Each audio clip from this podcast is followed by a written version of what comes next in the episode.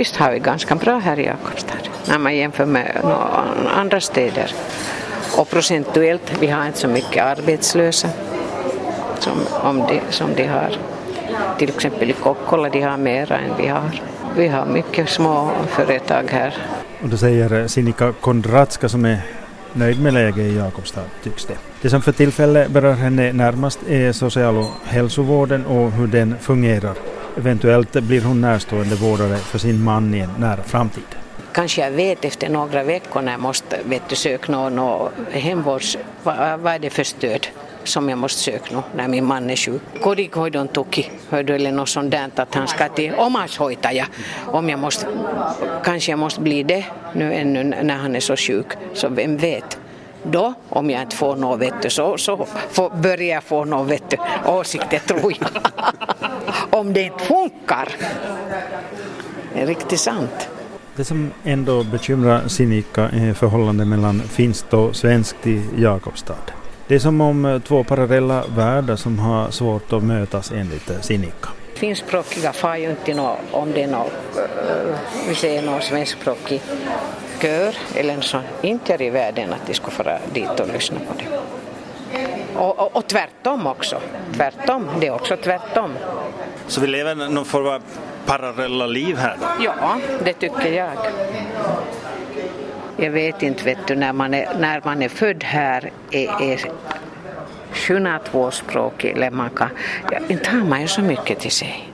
Men om du skulle intervjua riktigt äkta finskspråkig, de har ju mycket till sig om Jakobstad alltid. Att det är så dåligt här och med det språket och allt sånt där.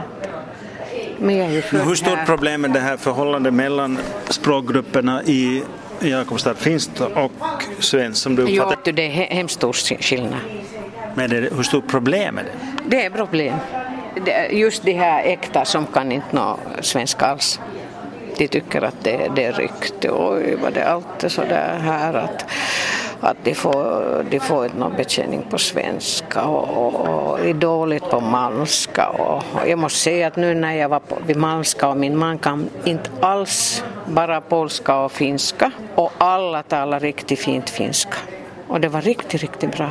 Inte hade jag något problem, jag tyckte jag. Men sen när jag talade med någon andra, oj, jag vet det, de har talat bara svenska. Nu, hur ska man komma till rätta med, med det här? För att det är ju, på det sättet blir det ganska splittrat i stan. Det, det, jag tycker det är hemskt splittrat. Men vad, vad gör man? När det, folk vill, vill, inte ens läsa svenska i skolan. Mm? Det tycker jag. Men tycker ni att så är riktigt grymt. De vill läsa bara engelska. Och här måste man ju tala svenska här i Jakobstad och kunna.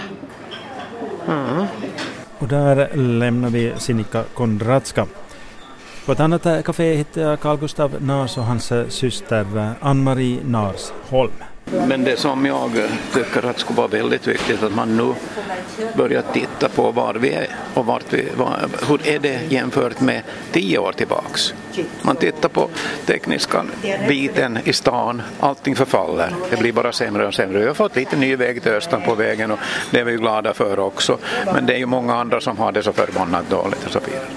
Lägger, satsar de rätt? Jag vet inte. Jag skulle vilja veta jag, hur, hur de tänker.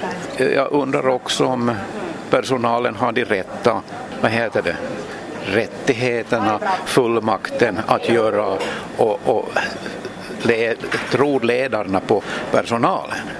Det är det som skulle vara viktigt att, att det här, för att nu verkar det som att det, det styrs någonstans uppifrån och så är det någon som gör någonting och så bara pekar man på varandra. Carl Gustavs syster Ann-Marie är rullstolsburen. Hon har ett problem som kan tyckas litet eh, men det problemet belyser ändå stelbentheten inom socialvården. No, jag sitter i rullstol. Och det sitter jag alltid.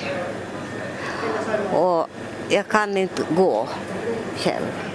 Jag har ju en katt och det ger mig ett otroligt stöd. Den är så underbar och sånt är bra och underbart. Men så du för hemvården får man inte ha katt. De, de hjälper ingenting. De gör ingenting för en katt. Så och ska det bytas det där sanden åt den så då måste jag ta dit en helt annan firma. För de får inte röra i kattsand. Är det ett förbud mot, för hemvården att göra sånt? Ja, det är det. Det är förbud.